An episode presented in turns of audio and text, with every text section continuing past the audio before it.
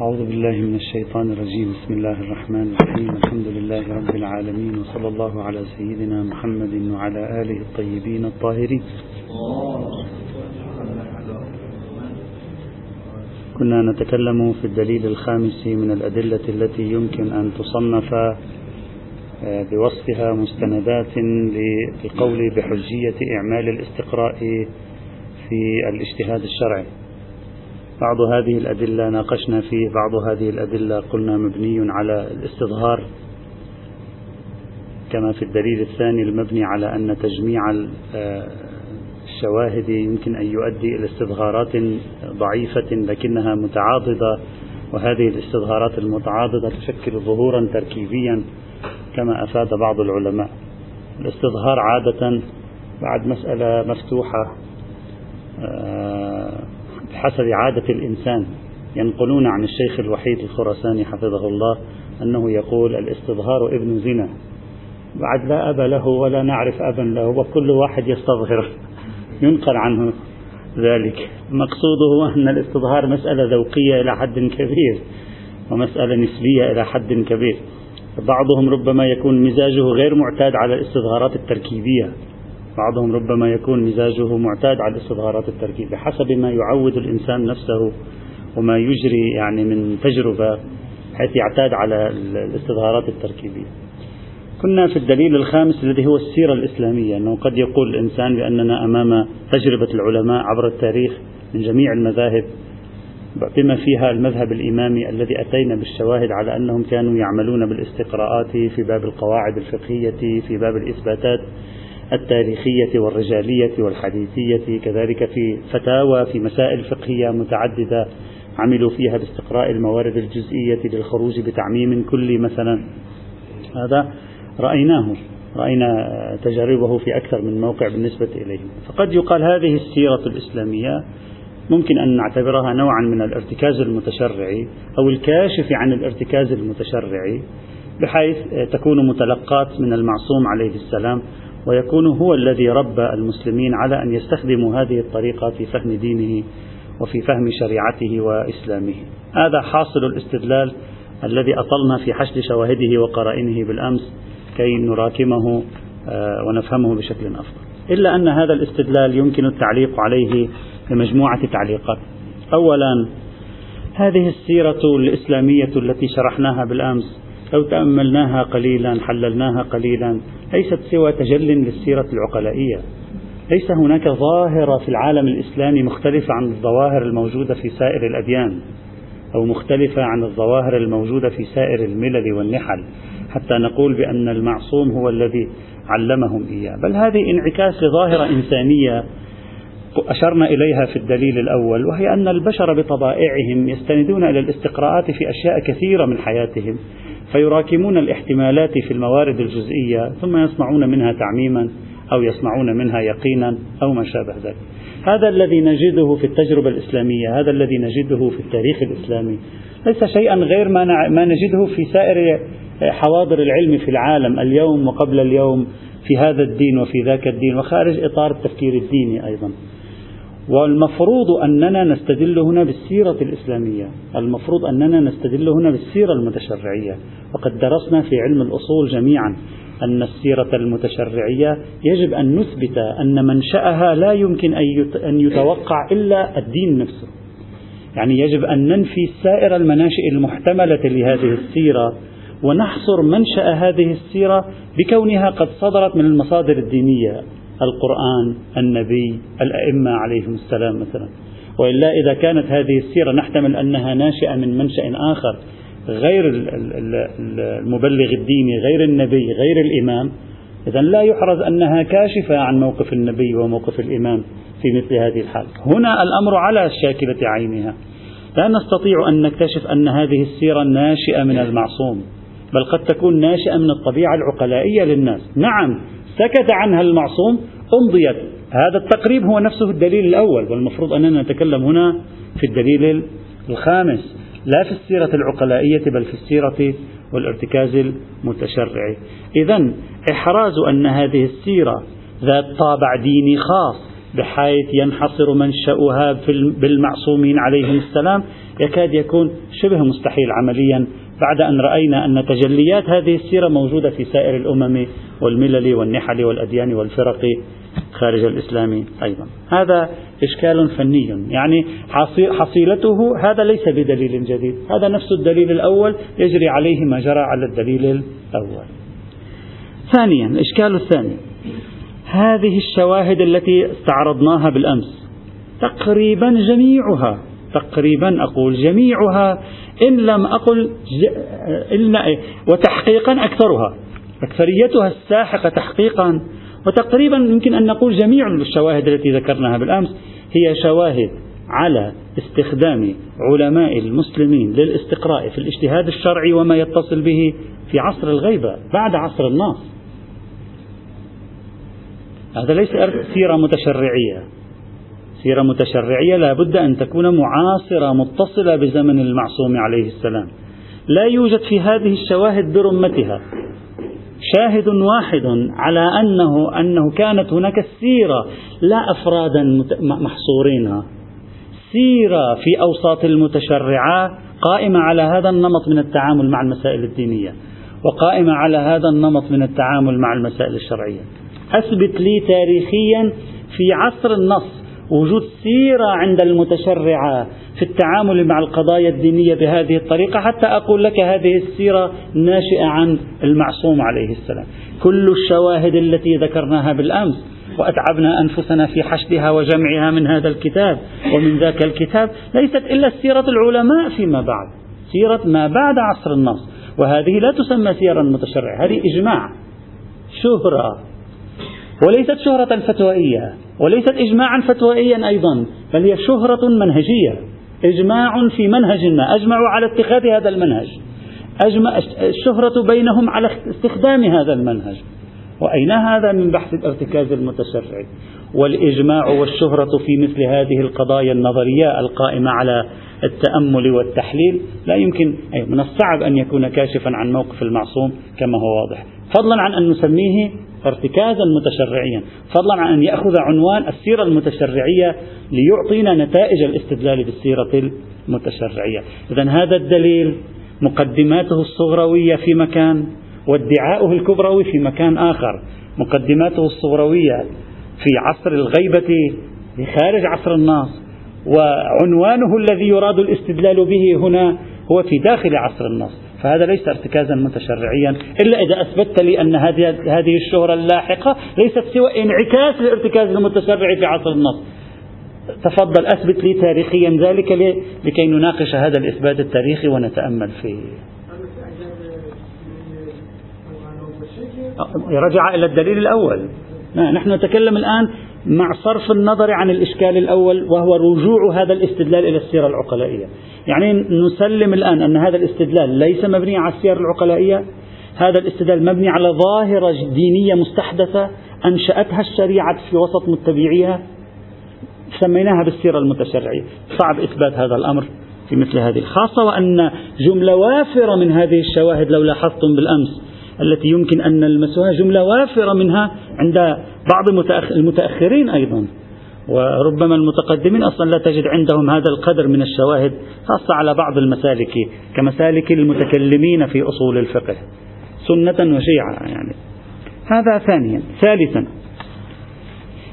سلمنا أن هذا عبارة عن نشاط استقرائي في دائرة السيرة العقلائية أو في دائرة السيرة المتشرعية.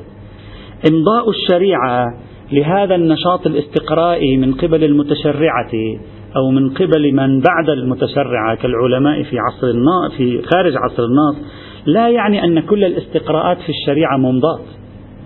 يعني إمضاء الاستقراء في الجملة لا يعني إمضاء الاستقراء بالجملة باصطلاحنا.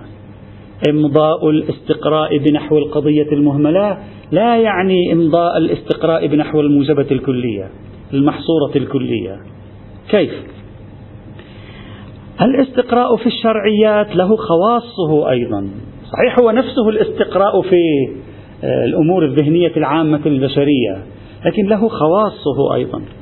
وأهم خاصية من خواص الاستقراء في الشرعيات وهي خاصية أيضا موجودة في خارج الشرعيات لكن بتبع طبيعة الموضوع.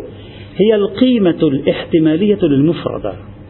في علم الاستقراء في المعرفة الاستقرائية واحدة من أهم القضايا التي تمثل الحجر حجر الزاوية للنشاط الاستقرائي هو القيم الاحتمالية للمفردات. يعني أنا إذا أردت أن أقول جمع القيمة الاحتمالية لهذه المفردة مع القيمة الاحتمالية لهذه المفردة مع القيمة الاحتمالية للمفردة الثالثة يساوي 98% طب هذا مترتب على أن القيمة الاحتمالية للمفردة الأولى هو كذا وكذا. من أين أعرف أن القيمة الاحتمالية للمفردة الأولى كذا وكذا؟ كيف تعرف؟ إذا جاءك زيد من الناس وأخبرك بخبر كم القيمة الاحتمالية له؟ إذا كانت القيمة الاحتمالية لصدقه 95% فمجيء ثلاثة مثله يمكن يحصل لك يقين. أما إذا كانت القيمة الاحتمالية لصدقه بحسب طبيعة معلوماتك عنه وتجربتك معه ومع منقولاته خمسة في المئة. عشرة معه لا يكفي لتشكيل النشاط الاستقرائي المنتج لليقين القيمة الاحتمالية للمفردة دائما هي المهمة في الاستقراء. في الحسابات الاستقرائية الرياضية عادة القيم الاحتمالية سهلة. مثلا عادة بيجيب النقد العملة النقدية ثم يرميها ثم يقول كم القيمة الاحتمالية أنها جاءت على هذه الجهة أو على ذاك تلك الجهة؟ القيمة الاحتمالية واضحة نصف مثلا. واحد على اثنين. لماذا؟ لأن طبيعة الاحتمالات محصورة هنا. ما لما تدخل بحر الحياة الإنسانية لا تتعقد القضية جدا. ليست بهذه البساطة التي تتصورها في الوقائع التكوينية محدودة الاحتمالات. ممكن الاحتمال يكون 2% ممكن يكون 5% ممكن يكون 10% ممكن يكون 50% تبعا لحجم اطلاعك على المعلومات المتصلة بالمفردة فتعطيها قيمة احتمالية. طيب. إذا أهم ركيزة أهم ركن من أركان النشاط الاستقرائي تطبيقا هو القيمة الاحتمالية للمفردة. نيجي الآن نأخذ هذا الموضوع لنطبقه في باب الدراسات الشرعية وسنجد أن الاستقراء في مجال الدراسات الشرعية له ثلاث حالات. الحالة الأولى استقراء موارد متعددة لكي أثبت القاعدة الكلية. وهذا الذي يحصل عادة في القواعد الفقهية ذكرنا له بعض الأمثلة بالأمس. مثلا أستقرئ عشرين مورد في الشريعة في أبواب متفرقة فأجد الشريعة في هذا الباب بمناسبة ما قالت الجاهل معذور. أستقرئ في باب آخر في فضاء آخر أيضا أجد الجاهل معذور كان. في فضاء ثالث أجد الجاهل معذور وهكذا ألملم هذه الجزئيات لأقول كل جاهل معذور. في الحقيقة أنا ماذا فعلت؟ انتقلت من كلمة هذا الجاهل معذور وهذا الجاهل معذور إلى كل جاهل معذور. فالانتقال من الجزئيات إلى تعميم استقرائي أضفت كلمة كل. هذا في القواعد عادة في القواعد الفقهية. وكذا فعل المحدث البحراني كما قلنا في قاعدة كل جاهل معذور في كتاب الحدائق. وقلنا كيف أن السيد الصدر نقل عنه هذا أيضا. هذا نوع. وهذا نوع سهل نسبيا. النوع الثاني استقراء موارد لا لإثبات قاعدة كلية بل لإثبات واقعة خارجية. أنا لا أتكلم عن كليات الآن. أتكلم عن جزئي أريد أن أثبته بالاستقراء. وهذا أين يكون؟ يكون بالتواتر مثلا. فأنا أخذ خبر زيد أضمه إلى خبر عمرو أضمه إلى خبر بكر أضمه إلى خبر خالد وأجمع تمام هذه الأخبار كل واحد منها له قيمة احتمالية احتمال كذبهم جميعا احتمال ضئيل جدا. فيرفع عندي القوة الاحتمالية في مطابقة خبرهم للواقع فأثبت أن النبي قال هذه الجملة.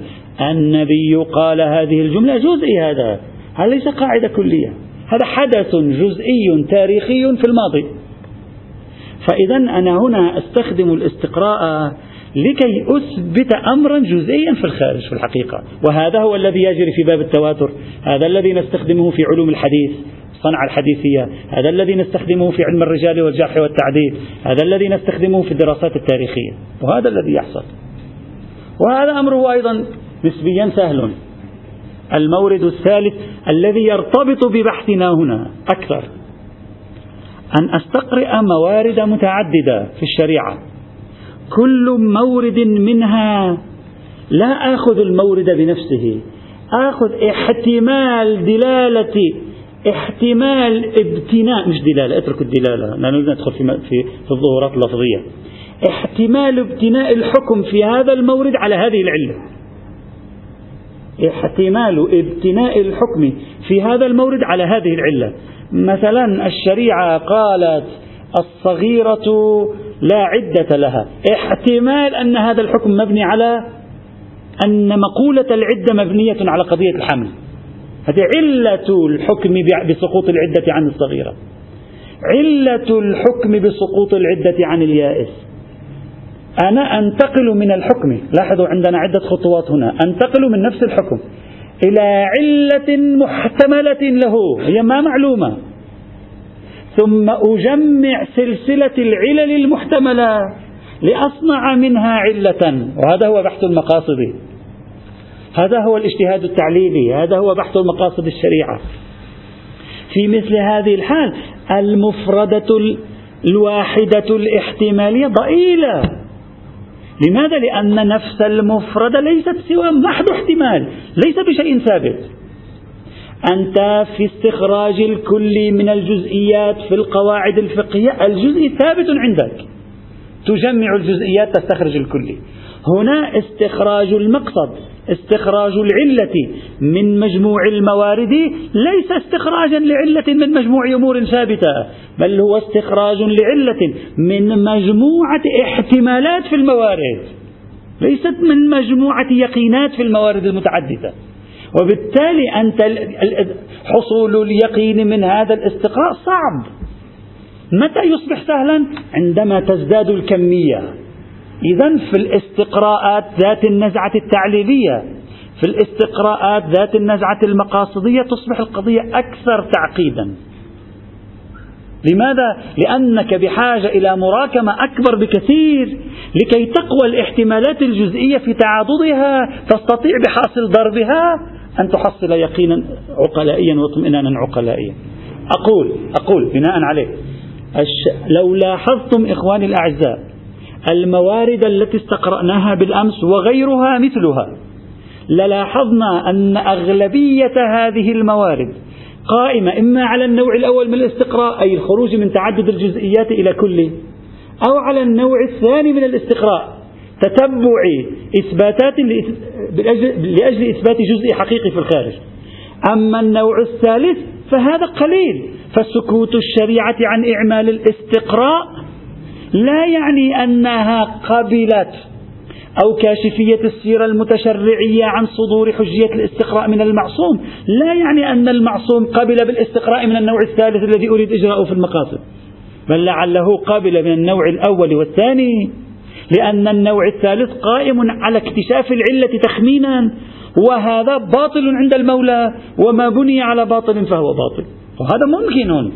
وحيث إن السيرة المتشرعية دليل لبي يؤخذ فيه حينئذ بالقدر المتيقن ونقول القدر المتيقن من هذه السيرة وكاشفيتها القدر المتيقن هو عبارة عن إجراء الاستقراءات في النوع الأول والنوع الثاني أما النوع الثالث لا نحصل على شيء واضح على جريان سيرة حتى بين العلماء على تحصيلهم المقاصد الشرعية والعلل الشرعية من خلال الاستقراءات. نعم على تحصيلهم القاعدة الكلية من الجزئيات محتمل. على إثباتهم الوقائع التاريخية من المتراكمات محتمل. إذا ثمة فرق دقيق في هذه المسألة. وبالتالي هذا الدليل لا يمكن أن يثبت لي بالسيرة المتشرعية إجراء الاستقراءات المفيدة للتعليل أو المفيدة للمقاصد حينئذ.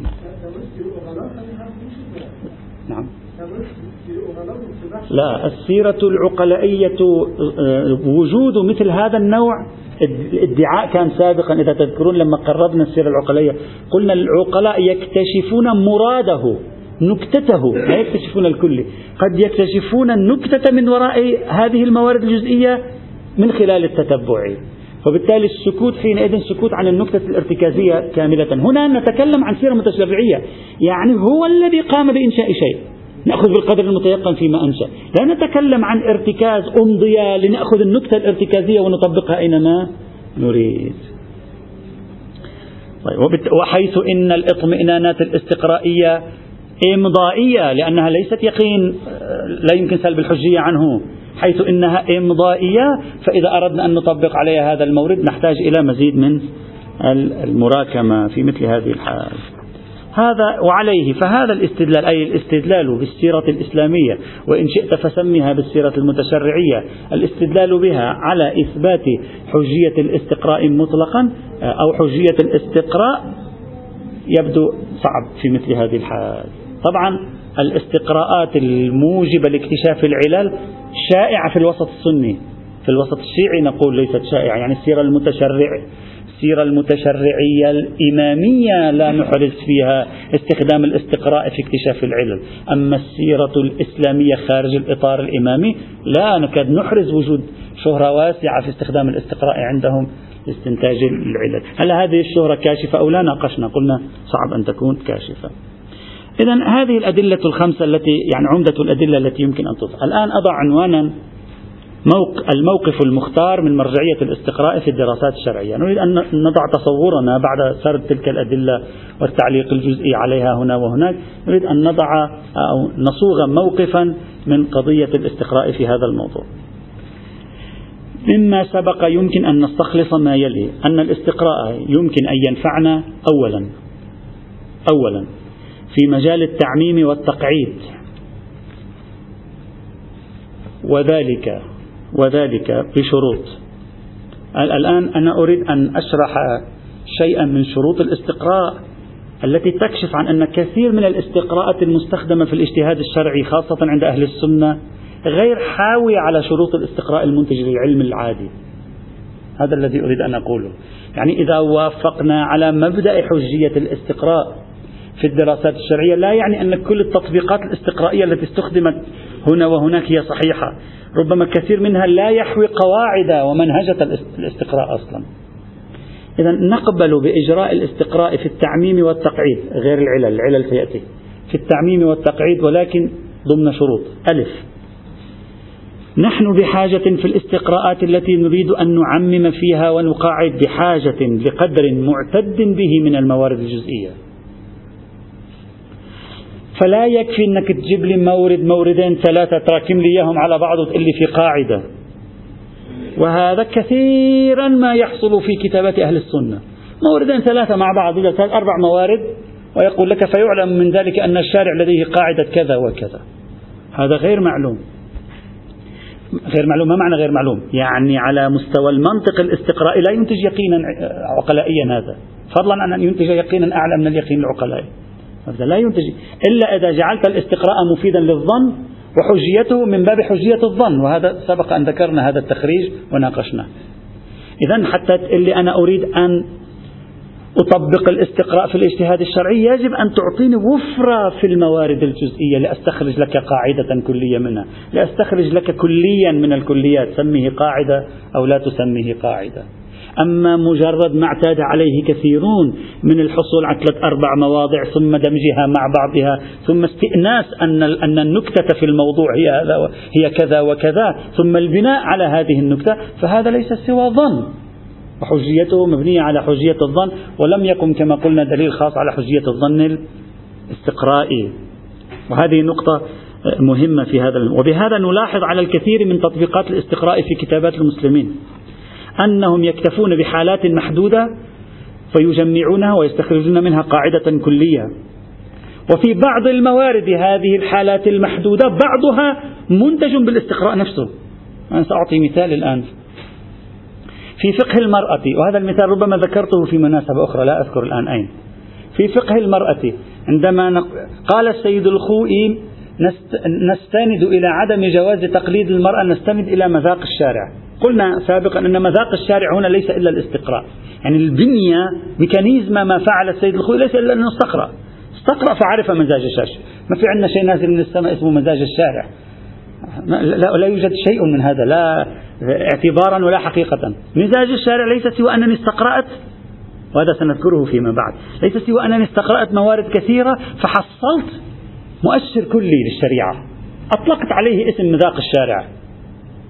أطلقت عليه اسم مذاقش فالسيد الخوي قال نفهم من مثلا موارد كثيرة وغيره قال ذلك أيضا من موارد كثيرة في الفقه أن المرأة لا يمكن أن تكون قاضية ولا يمكن أن تكون شاهدة شهادتها ناقصة ولا يمكن أن تكون ولي أمر ولا يمكن أن تكون كذا ولا يمكن أن تكون كذا.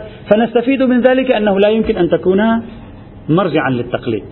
فاستندوا إلى مذاق الشارع يعني في الحقيقة إلى الاستقراء لكي يثبتوا أنها لا يمكن أن تكون مرجعا للتقليد وبعض هذه الموارد التي راكموها كمفردات استقرائية لكي يثبتوا بها محل البحث الذي هو تقليد المرأة ومرجعيتها بعضها ليس له دليل إلا الاستقراء نفسه. يعني عندما تسألهم ما الدليل على أنها لا يمكن أن تكون قاضية بعضهم على الأقل بعضهم على الأقل يقول ما عندي دليل على أنها لا يمكن أن تكون قاضية إلا مذاق الشارع. تجده يعيد كلمة مذاق الشارع في الموضع الفلاني بعضهما ليس السيد الخوي. وعندما تقول له ما الدليل على أنها لا تكون آه، مثلا تتولى أمر الأمة؟ يقول لك ما عندي دليل أدلة لفظية كلها ضعيفة الإسناد نوقشت ليس إلا مذاق الشارع أيضا. فأنت لاحظ معي أن موردين ثلاث موارد اللي هي صلاة الجماعة والشهادة هذه الموارد موردين صلاة الجماعة والشهادة. ومورد ثالث هي في الأصل الأساس الذي بنوا عليه مذاق الشارع بنوا عليه مذاق الشارع وطبقوه في جملة موارد. فتصورنا أن أن الشواهد المحشودة هي عبارة عن 10 15 وهي بالأصل ثلاثة والبقية هم مبنيين على هذه الثلاثة. إذا نحن حتى يتم الاستقراء في الدراسات الشرعية يجب أن تعطيني وفرة في الشواهد ما تعطيني موردين ثلاثة. لأن هذا لا يحصل يقينا وربما في بعض الأحيان ظننا لا يحصل. ربما في بعض الأحيان ظن لا يحصل. ما معنى شواهد كثيرة؟ يعني أنت الآن إخواني الأعزاء آه، يمكن نحن ما ما مجربين هذا النمط من البحث. أنت الآن مثلا شيخنا خذ كتاب النكاح. حاول أن تقرأ كتاب النكاح من أوله إلى آخره. ما الشيء المشترك الذي يمثل مؤشرات تلاحظ أن الشواهد كلها تعضده؟ حاول أن تفكر فيها سوي يعني فرض درسي أو مسق يعني وجيب باب فقهي ثم انظر ما الأشياء المشتركة التي يمكن أن تولد من تتبع كل أطراف هذا الباب. سوي تدريب على هذا الأمر. ربما في البداية لا تشعر بشيء. بعد مدة مرة مرتين ثلاثة بالنقاش تبدأ تشعر أنه في أشياء مشتركة في الأبواب. في هذا الباب في ذاك وفي أشياء مشتركة في الكتاب. كتاب المعاملات. كتاب القضاء كتاب العقوبات الجزائية والجنائية. تشعر أن هناك أشياء مشتركة عندما تتتبع الجزئيات تلاحظها. تفتح كتاب الوسائل تبدأ تقرأ كل روايات الحدود والقصاص والديات تلاحظ أشياء مشتركة. مثلا أنا أذكر في بحث زكاة النقدين السيد محمود الهاشمي أستاذنا السيد محمود الهاشمي رحمة الله تعالى عليه في درس في شهر رمضان بحث في مسألة زكاة النقدين ثم حشد جميع الروايات. طبعا لم يذكرها جميعا لكن حشدها على شكل مجموعات جميع الروايات التي استخدمت كلمة الدرهم والدينار. ليحاول أن يعرف من مجموع هذه الروايات أن الشريعة لما تتكلم عن الدرهم والدينار ما هو مزاجها؟ مزاجها ذهبية الدينار وفضية الدرهم أو مزاجها كونه هي العملة الشائعة. أنت عندما تقرأ روايات الدرهم والدينار لا تلتفت إليها لأنك تقرأها بشكل مبعثر في على امتداد الفقه. ما عندما تجمعها برمتها ثم تلاحظها واحدة واحدة تبدأ ويكون عندك عيون استقرائية عيون تتبعية عيون التشابهات عيون الأشياء التي تتقارب من بعضها تبدأ تلاحظ وجود أشياء متشابهة. احتياط الشريعة في الدماء والفروج والأموال من وين أتى بها العلماء هذه؟ من وين هذه؟ ما في شيء احتياط. هذه ليست إلا استقراءات عزيزي. هذه ليست إلا استقراءات عفوية لمسوها بوجدانهم. صحيح لم يكتبوها يكتبوا بحث مستقل فيها لكن لمسوها بوجدانهم من تتبع عشرات الموارد على امتداد أبواب القضاء والحدود والقصاص والديات والتعزيرات وما شابه ذلك. فهذه نقطة مهمة. التجربة مهم. لا تحكموا على إنتاجية الاستقراء قبل أن تجربوه. هذا ما أريد أن أقول. جربوا هذه الطريقة مرة مرتين ثلاثة أربعة خمسة ثم انظروا هل يمكن أن تعطي هذه التراكمات قدرة لك على أن ترى تشابهات؟ ثم تطلق ما يسميه السيد الصدر مؤشرات العامة للتشريع والتي ستنفعك في فهم الشريعة كاملة وستنفعك أيضا في السياسة الشرعية. هذا يكفي هذا تكفي هذه فائدة في مباحث الاستقراء حينئذ. إذا الشرط الأول في مجال الاستقراء المفيد للتعميم والكلية وفرة الشواهد. ندرة الشواهد هذه لا تكفي. ثانيا أن لا تكون على خلاف القاعدة موارد نقدية توجب هز القوى الاحتمالية في المتراكمات. يعني أنت كلما زادت النواقض النواقد التي أتيت بها من أين؟ من الأدلة. من الأدلة. لا من عدم إعمالك الاستقراء من الأدلة يعني أدلة نصت على النواقد النواقد هذه كلما زادت كلما صار احتمال التعميم أقل. هذه طبيعي يعني يعني. إذا أنا مولانا العزيز وضعت لك مئة آه، كرة صغيرة مئة كرة صغيرة في سلة كبيرة. وضعت لك في الحقيقة عشرين كرة حمراء وثمانين كرة بيضاء. وقلت لك بشكل عشوائي قم بأخذ كرة واحدة. فأخذت الكرة الأولى طلع كانت بيضاء. أخذت الكرة الثانية كانت بيضاء. أخذت الكرة الثالثة كانت حمراء. طيب إذا أخذت الكرة الرابعة سيبدأ احتمال أن تكون بيضاء ينزل. الكرة الأولى أخذتها بيضاء أنت تحتمل أن الكل يكون أبيض. الثانية أخذتها بيضاء ازداد احتمال أن الكل يصير أبيض. لما خرجت الثالثة حمراء هذا الاحتمال أجهض. يعني لم يعد يمكنك إذا وضعت يدك على الرابعة أن, أن ترفع الاحتمال في كونها بيضاء بسرعة. إذا وضعت يدك على الرابعة إذا زاد العدد وضعت يدك على خمسين سيخرج لك عشرة حمراء وأربعين بيضاء. عندما تضع يدك على ما فوق الخمسين سيصبح احتمال أنها بيضاء الثلثين تقريبا أو ثلاثة أرباع مثلا. فمن الصعب أن تولي لماذا؟ لأن الخروقات الاستثناءات نقيض الحالة أكثر يؤدي إلى ضعف القوة الاحتمالية في أي مورد جزئي تضع يدك عليه تريد أن تعرف حكمه. وهذا طبيعي يعني هذا ليس شيئا شرعيا. هذا بالمنطق الاستقرائي أمر طبيعي جدا في هذا المجال. طيب. وبهذا لا يكفي أن تقول أن لا تهتم للاستثناءات. يجب أن تبحث عن الاستثناءات وترى نسبة الاستثناءات المكتشفة. إن كانت قليلة فهذا يجعل احتمال انطباق القاعدة على الموارد المشكوكة كبيرا. يصل ممكن أن يصل إلى قوة إلى الظن القوي جدا. أما إذا كانت قليلة جدا. إذا كانت كثيرة لا يصبح الاستقراء معاقا. من الصعب أن يحصل لك هو تكوينان من الصعب أن يحصل لا حجيتان تكوينان من الصعب أن يحصل لك في مثل هذه الحال يقينا. ولذلك لاحظوا المحقق النراقي رحمة الله تعالى عليه في كتاب عوائد الأيام. أشكل على أولئك الذين استخدموا الاستقراء لإثبات قاعدة حمل عمل المسلم على الصحة والذين أشرنا إليهم بالأمس. فقال أنا ما عندي مشكلة مع إجراء هذا الاستقراء. لكن شرط أن لا تكون موارد النقد فيه أكثر من الموارد التي حشدتموها لاحظوا عبارته يقول وأما الاستقراء فالمراد منهم إما استقراء الأحكام الواردة في الأخبار عن الأئمة الأطهار عليهم السلام أو في كلمات العلماء الأبرار وشيء منها لا يفيد في المقام لأن تأمه أي الاستقراء التام لم يتحقق. وناقصه لو سلمنا كونه مفيدان فإنما يفيد لو لم يعارضه خلافه في موارد خاصة خاصة أخرى أزيد مما يوافقه. يعني أنت لا يغرك مولانا العزيز أنت عم تستقرئ. هي صار عندي خمسة صار عندي ستة صار عندي عشر موارد عشرين مورد. آه فأنا يعني خلاص إذا تشكل اليقين. أصبر قليلا. اذهب إلى ما ينقض هذا اليقين إلى ما يخرق هذا اليقين فتش. إن لم تجد شيئا معك حق. يتسارع اليقين للحصول بين يدي للأتيان بين يدي. أما إذا بدأت تجد نقدا جزئيا طيب بدأ يتباطأ نقدين ثلاثة أربعة خمسة ستة. في مثل هذه الحال يجب أن تقر بأن هذا سوف يؤثر على قدرتك على التعميم. يجب أن تقر أن هذا سوف يؤثر. كلما زاد كلما تناقص إمكانية أن تعمم. وربما في بعض الأحيان يتساويان وربما يزداد بحسب ادعاء المحقق النراقي في كتاب عوائد الأيام.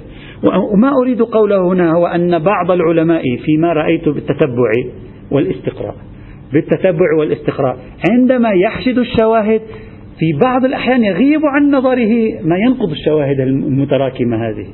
وحق المطلب أن يكون مستوعبا لتمام الأطراف في القضية حتى تستطيع بالاستقراء أن تحصل على نتيجة في هذا المجال.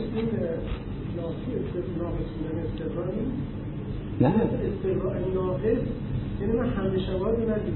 لا لا. أنا لا أتكلم أنني لم أرى الشواهد الأخرى. أنا أتكلم رأيت شواهد عكسية. قد لا أرى.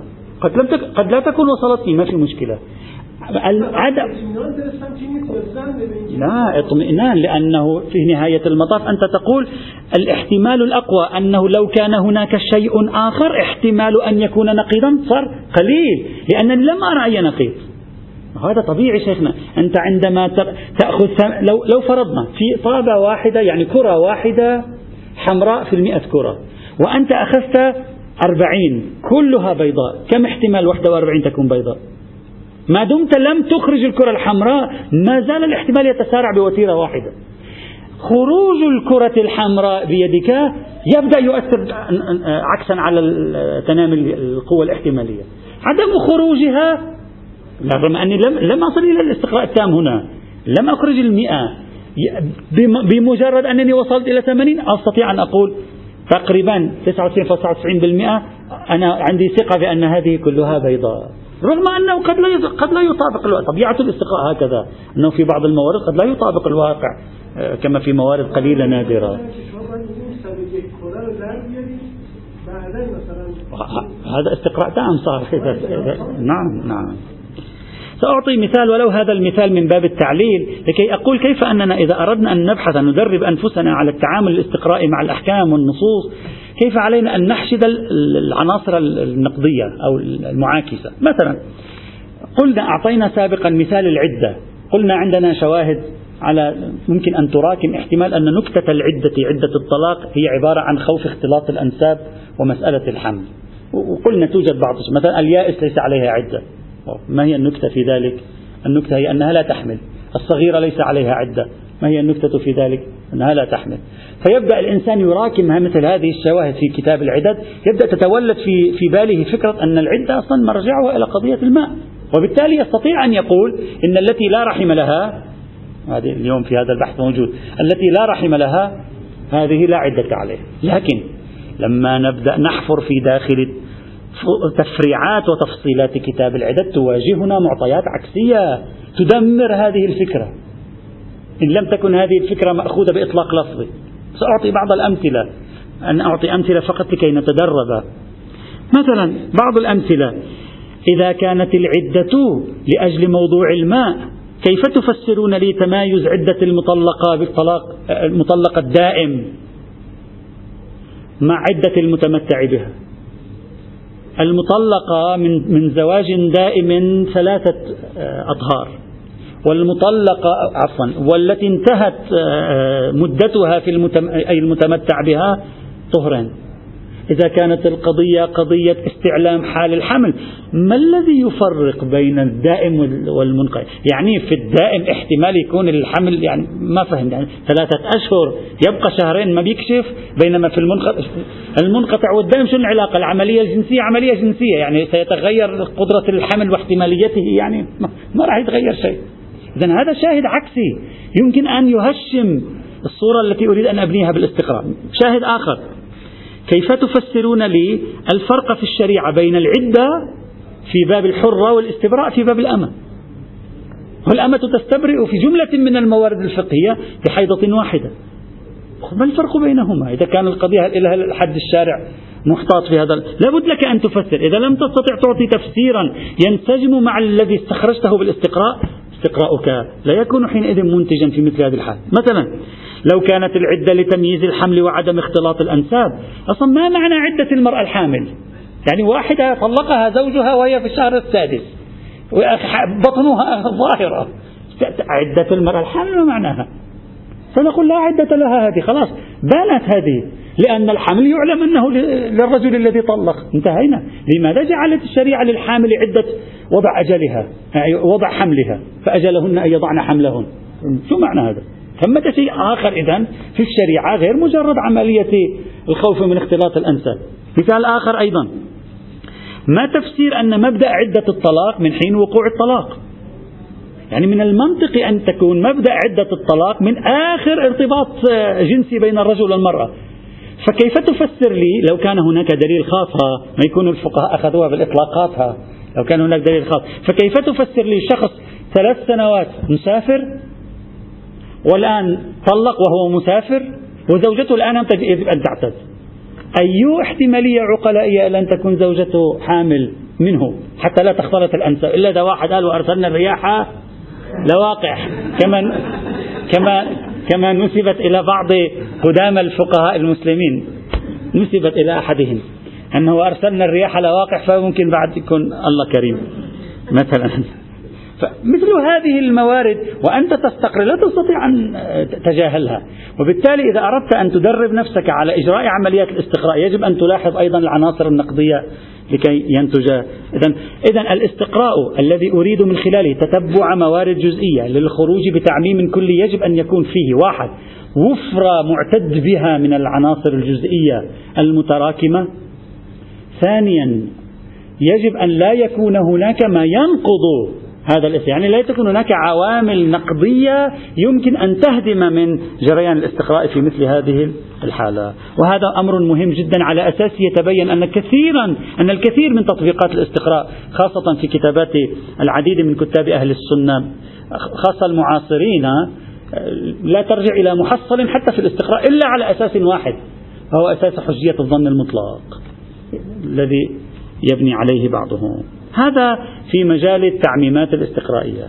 أما في مجال التعليلات الاستقرائية أي اكتشاف المقاصد والعلل بالاستقراء ما الذي ينبغي أن الآلية التي ينبغي أن نسلكها لكي نكتشف المقاصد والعلل بالاستقراء وما هي الشروط في مثل هذه الحال؟ يأتي غدا إن شاء الله تعالى والحمد لله رب العالمين.